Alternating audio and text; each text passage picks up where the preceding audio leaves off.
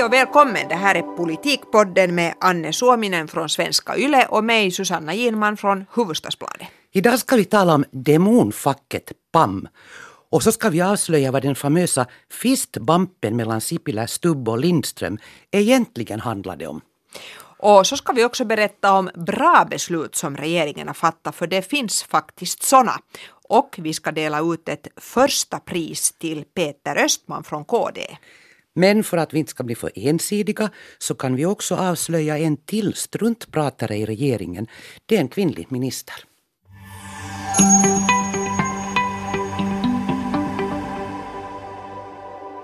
Men eh, vi ska alltså börja med att tala om servicefacket PAM, för det är ett fack som nu plötsligt har stigit upp i offentligheten efter att ha levt ett ganska stilla eh, liv långt borta från offentligheten tidigare. Eh, och det beror förstås på att PAM överraskar alla inklusive sin egen ordförande, socialdemokraten Ann Selin, genom att besluta att de inte vill fortsätta förhandla om arbetsavtal utgående från det här konkurrenskraftsavtalet.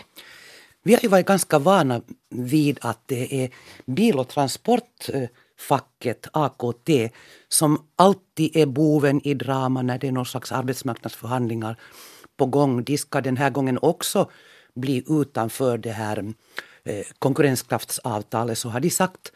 Men diskussionen förs inte den här gången om AKT utan nu är boven i dramat PAM. Och det har förstås att göra med att det är Finlands största fackförbund.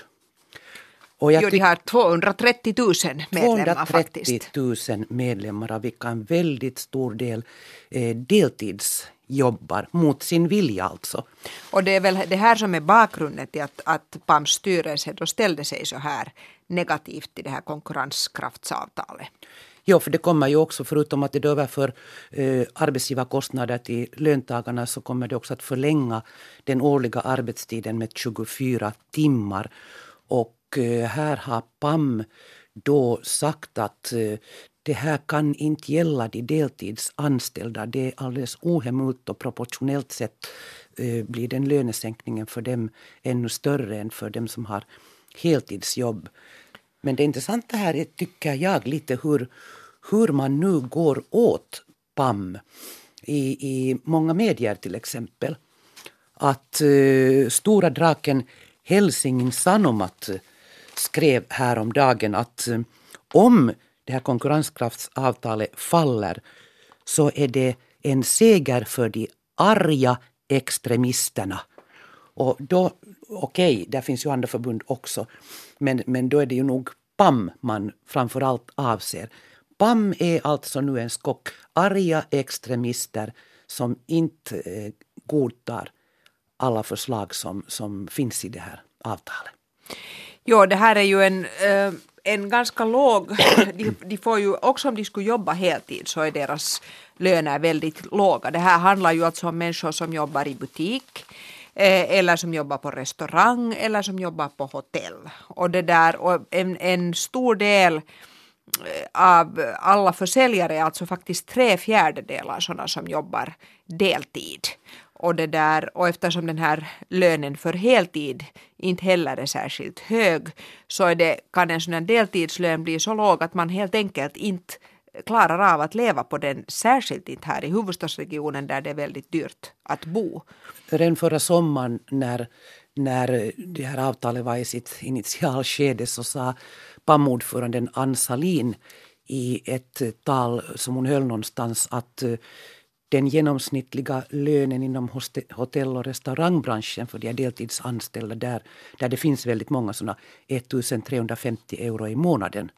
Så det kommer man inte särskilt långt på.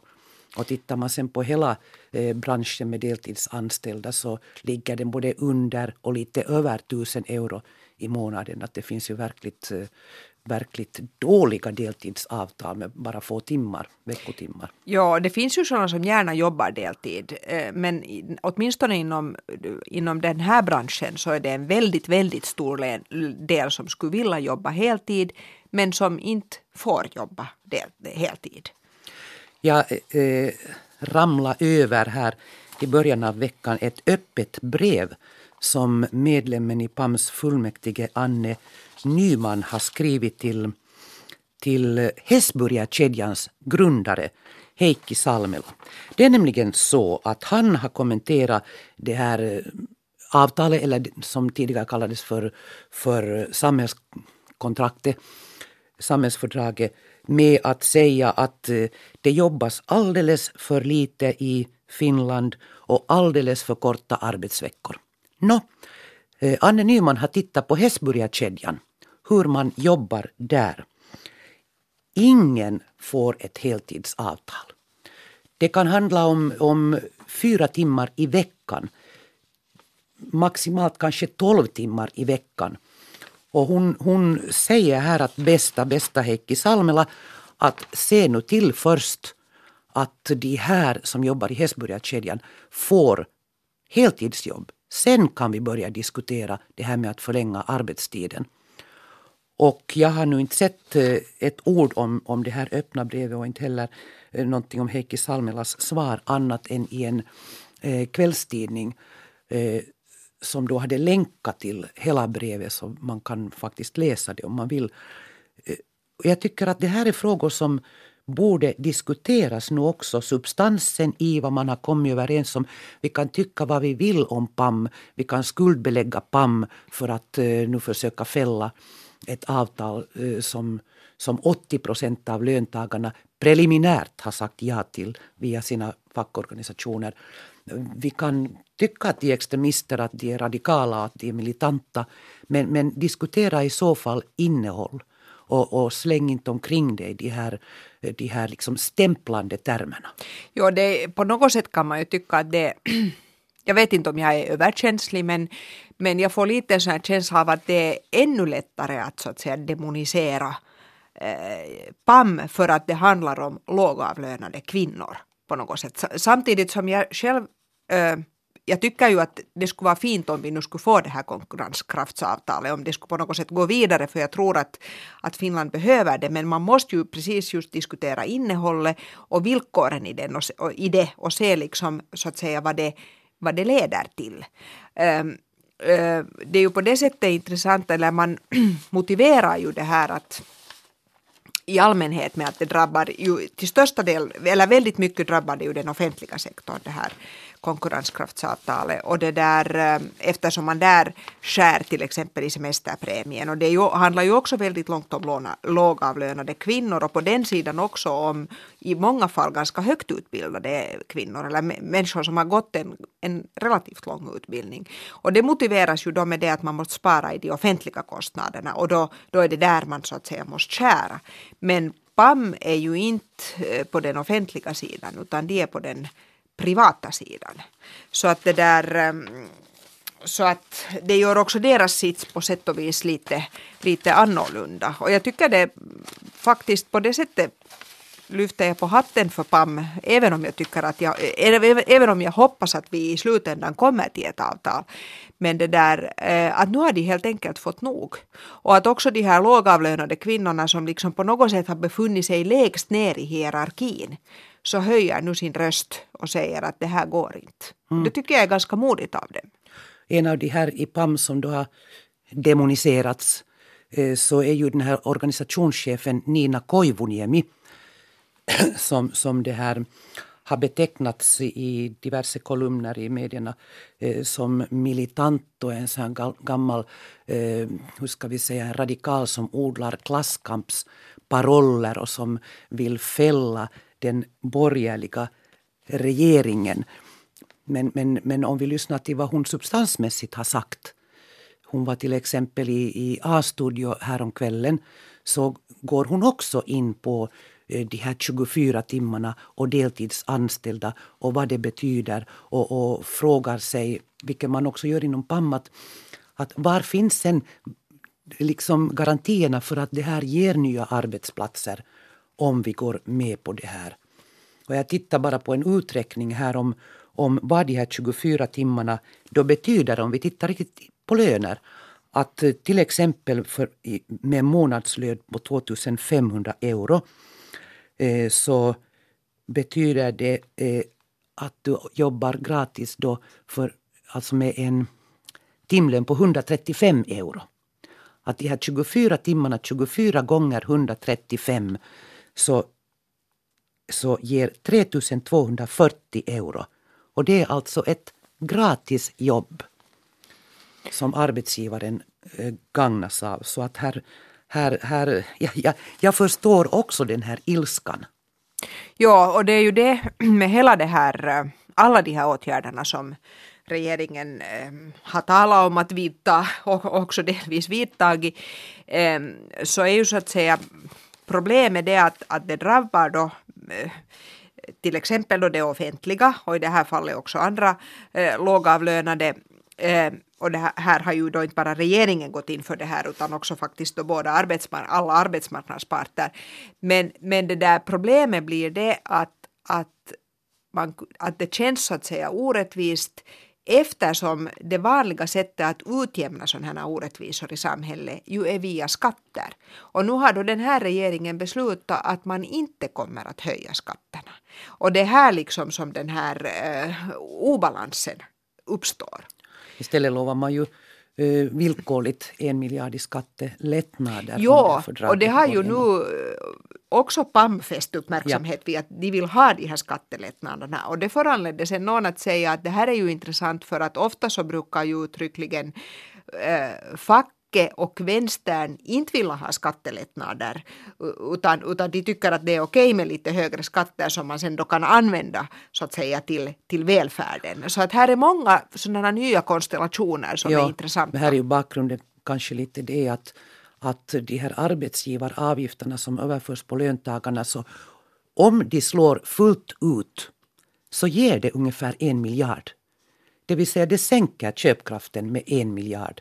Och då skulle de här skattelättnaderna kompensera Precis, det. och det är ju alltså köp, den inhemska köpkraften är ju jätteviktig för det är ju det som har liksom den lilla, eh, den lilla drag så att säga som har funnits i ekonomin har ju nu redan i, i flera år baserat sig på den inhemska köpkraften. Om man sen skär ytterligare i den så, det där, så då kan man ju fråga sig hur det går med, med vår ekonomi så länge exporten fortfarande inte drar. Precis. Och så länge vi inte har sett liksom hemskt mycket investeringar i, i de företag som verkar i Finland. Det finns ju vissa undantag och det finns ju lite ljusa tecken i tunneln men, men de är kanske inte ännu inte tillräckligt stora. många. Ja. No, vi får se hur det går den närmaste tiden med extremisterna i PAM. De ska ju sitta på nytt och det förs förhandlingar nu om den här så kallade finländska modellen finska modellen. Som egentligen är ungefär den svenska modellen. Ja, att exportindustrin bestämmer lönehöjningsnivån. Mm. Och där är det ju också intressant, det här har jag kanske sagt tidigare, men med just den modellen så är det ju intressant att se att eftersom exportindustrin då är pappersindustri och metallindustri och sådana tunga industrier där det jobbar väldigt mycket män, så, så frågar jag mig att hur går det då Eh, för den här skillnaden, eh, löneskillnaden mellan män och kvinnor om det är exportindustrin som ska leda, är den då för evigt cementerad? Mm. Mm. det behöver den ju inte alls vara eh, om det finns ett intresse att åtgärda den här löneskillnaden. Problemet är att det intresse inte tycks vara särskilt stort. Nåja, Nåja vi får se hur det går. Kanske vi har talat tillräckligt om det här nu. Ja, nu ska vi komma med det här avslöjande. Men om den här knytnävshälsningen, fistbampen. De flesta har väl sett när Sipilä, Lindström och Stubb eh, glädjestrålande slår ihop sina, slår, dunkar sina knytnävar mot varandra när, när det då såg ut som det skulle bli ett eh, samhällsfördrag eller ett konkurrenskraftsavtal. Det här väckte ju tydligen ganska mycket ilska i På en del förbund ja. och till exempel sägs det att det var en delorsak till att det gick som det gick i PAM. Det har jag nog kanske lite svårt att tro. Men i varje fall. Men, men alltså vi ska rätta ut de här frågetecknen nu om vad den här fistbumpen egentligen är för någonting. Det är nu inte alls så klart att det är en sån här segerhälsning och yes, vi är bra hälsning. Utan utan dess historik är ganska gammal. Man tvistar om när den första fistbumpen nu har, har gjorts och av vem. Men jag hittar nu till exempel från 1936 en Tarzan-film där Tarzan och cheetah gör en fist bump. Så man kan kanske kalla det också för en aphälsning. Vad innebörden sen är så kan man diskutera. Nå, det här är kanske lite elakt, men om vi tar det riktigt nu sådär seriöst så tror jag att vi ska gå tillbaka till år 2009 och... 2009? Eh, nej, vad säger Jo, 2009. Men det är inte så länge sedan. Nej, nej. Det, är färsk, det har färska anor den här fistbumpen också. Då hade vi den här H1N1-pandemin. Just det. Då föreslog en rad läkare att man istället för handskakning går över till fistbump eftersom det reducerar antalet eh, eh, bakterier? Biotikaresistenta bakterier. Jaha. Och nu var det ju influensatider när de gjorde den här fistbumpen. Så det här är ett enda stort missförstånd. De ville bara skaka hand egentligen för att det nu har hänt någonting åtminstone. Och så gjorde de det här för att bli, inte för smitta varandra med flunsa. Just det. No, men det. Så PAM kunde nu lite fundera på det här också om man lite övertolka saker Precis. och ting här. Just det. Nåja, men det där, nu ska vi gå över till något positivt. Det vill säga goda och bra beslut som regeringen har gjort. Och Anne, vi, har, vi tycker att vi har varit lite för kritiska. Ja, liksom. det, och det, sanningen är den att det, det är lite för lätt att vara kritisk mot regeringen. Så man blir lite sådär liksom, det kan leda till en viss slapphet. Men det, där, det här har Anne motverkat för att hon har igen idkat lite research och hon har mejlat eh, olika oppositionspolitiker, gruppordförande och en del andra finlandssvenska riksdagsledamöter inom oppositionen, partiordförande också, och bett om förslag av dem. Vad gott har regeringen gjort? Ja, jag tyckte att vi behöver lite draghjälp när vi själva är i det här arbetsmarknads och vårdreformsträsket och kanske inte riktigt ser eh, allt eh, som regeringen gör så, där, så att säga i det tysta. Och vi har fått svar. Och padam, padam, padam, första pris i vår enkättävling går till Kristdemokraternas Peter Östman. Han har jobbat hårt och det är vi tacksamma för. Eh, han nämner bland annat eh, arbete för att eh, avreglera, det vill säga minska byråkratin. Vi kan nämna lite exempel på vad som har hänt här sen senare. Mm. Eh, han tycker att eh, beslutet att frysa YLE-indexet är bra. Han eh, gillar att regeringen bereder en lag om rökning och försäljning av tobaksprodukter, det vill säga det blir ju skärpningar givetvis. Eh, han eh, ger regeringen en eloge för att man ändrar eh, sitt beslut om att skära i bostadsbidraget för pensionärer. Satsningarna på vägnätet och sen kommer han med en rad lagförslag som, som är lite svåröppnade men jag ska nu nämna några. Det handlar till exempel om lagen om punktskatt på flytande bränslen.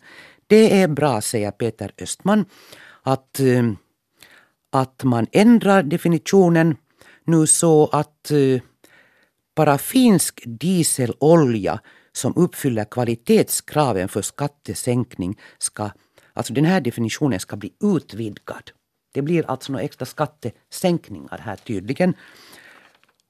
Och eh, så går regeringen också in för alternativa lösningar av konsumenttvister. Det ska bland annat bli möjligt med tvistlösning online.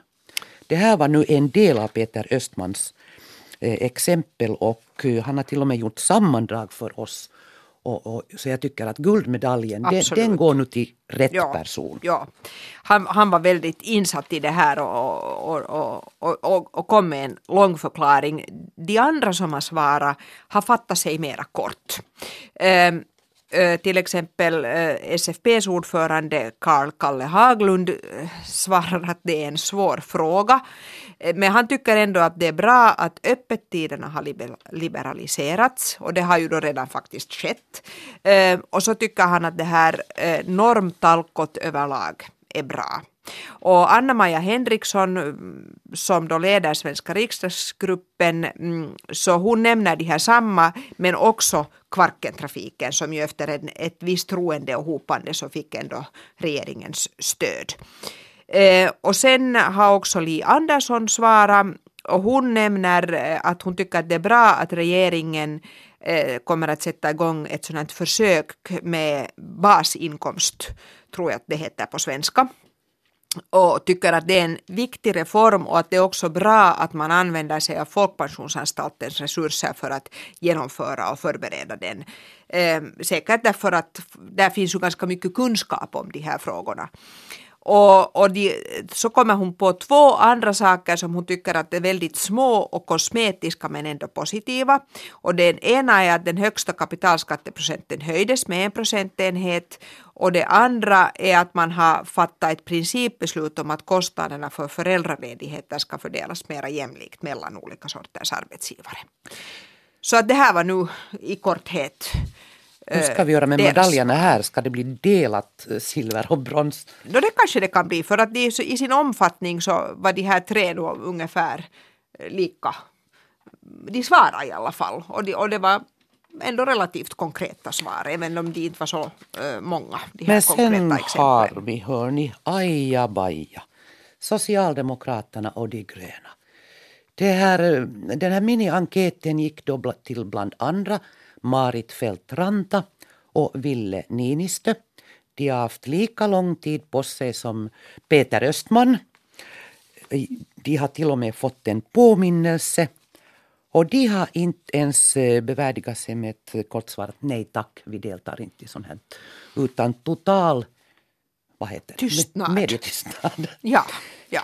Så det, det gillar vi ju inte för vi tänker att kanske de inte tycker att den här pollpodden alls är viktig. Ja. Det kan vi ju inte Och att till exempel regeringens eh, avreglering och normtalko inte är viktigt. Ja. För att där finns ju ändå eh, allt möjligt som man kan som man kan liksom lite avbyråkratisera. Jag tittar nu, jag försökte hitta eh, på, på statsrådets hemsidor någon lista på vad de nu har kommit fram till hittills. Där, där är eh, avregleringar, det handlar mycket om beslutsprocesser, besvärsprocesser men också annat som ska underlätta livet för dig och mig och oss alla. Eh, jag hittar nu inte så himla mycket eh, och man kan fråga sig om, om det här med att parkeringsskivans utseende nu får Får, den får se ut hur som släpps helst. Fri, ja, den så att säga. Fri. Men jag hittar faktiskt några saker. En sak där, där jag också tror att Socialdemokraterna och de gröna skulle kunna heja på regeringen så handlar om att, eh, att eh, det ska bli enklare och lättare att eh, ställa upp reklamer och affischer längs med vägkanterna. Till exempel, eller det är nu tillståndsbelagt men härefter så, så räcker det med en anmälan. Och vi har ju ett kommunalval så småningom, om ett år ungefär. Så, så där kan Marit Fältranta nu åka ut och, och, och, och helt lagligt, och helt lagligt sätta, sätta upp affischer med bara en anmälan. Det där, och nu inser jag att, att det där, jag vet att någon också nämnde Eh, det här med eh, att det var bra att regeringen backade när det gäller de här pensionärernas eget bostadstillägg. Och det trillar nu bort här. Nu, nu Nej, det var Anna-Maja Henriksson. Var det? Men då nämnde jag inte. Visst nämnde du det tyckte jag. Nej, jag, jag okay. nämnde inte Anne, men nu, det var nu blev det rätt i alla fall. Karl Haglund Precis. De som tyckte, tyckte att ja. det var bra. Och Peter Östman, det fanns faktiskt Precis. på hans lista no, just också. Det. det var viktigt Och det var ju ett fram. stort beslut. Det var det, ja.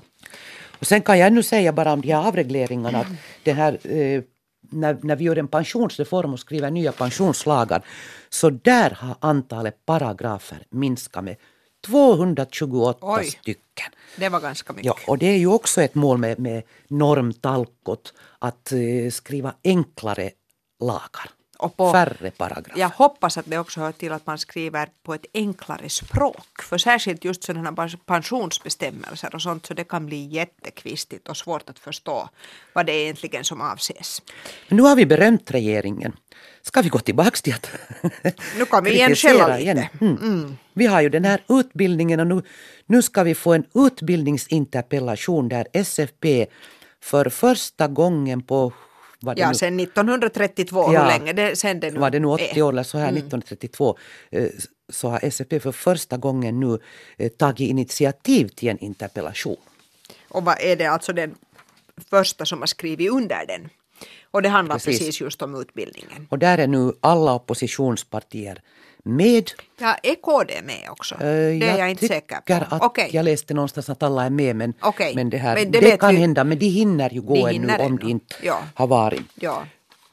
Och det här är faktiskt här. den andra interpellationen om utbildning som görs. Och nu måste jag erkänna att jag har undrat men inte ännu hunnit ta reda på att hur skiljer sig den här utbildningsinterpellationen nu är det möjligt att de här från Att det för att skära med. Mm. i studiestödet och göra det mera lånbaserat, att det kommer med.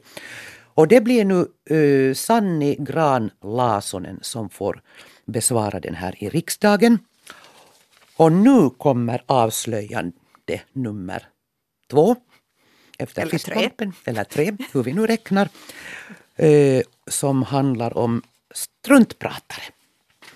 Det är nämligen så att vi skär ju nu, eller inte vi utan regeringen, ordentligt i utbildningen.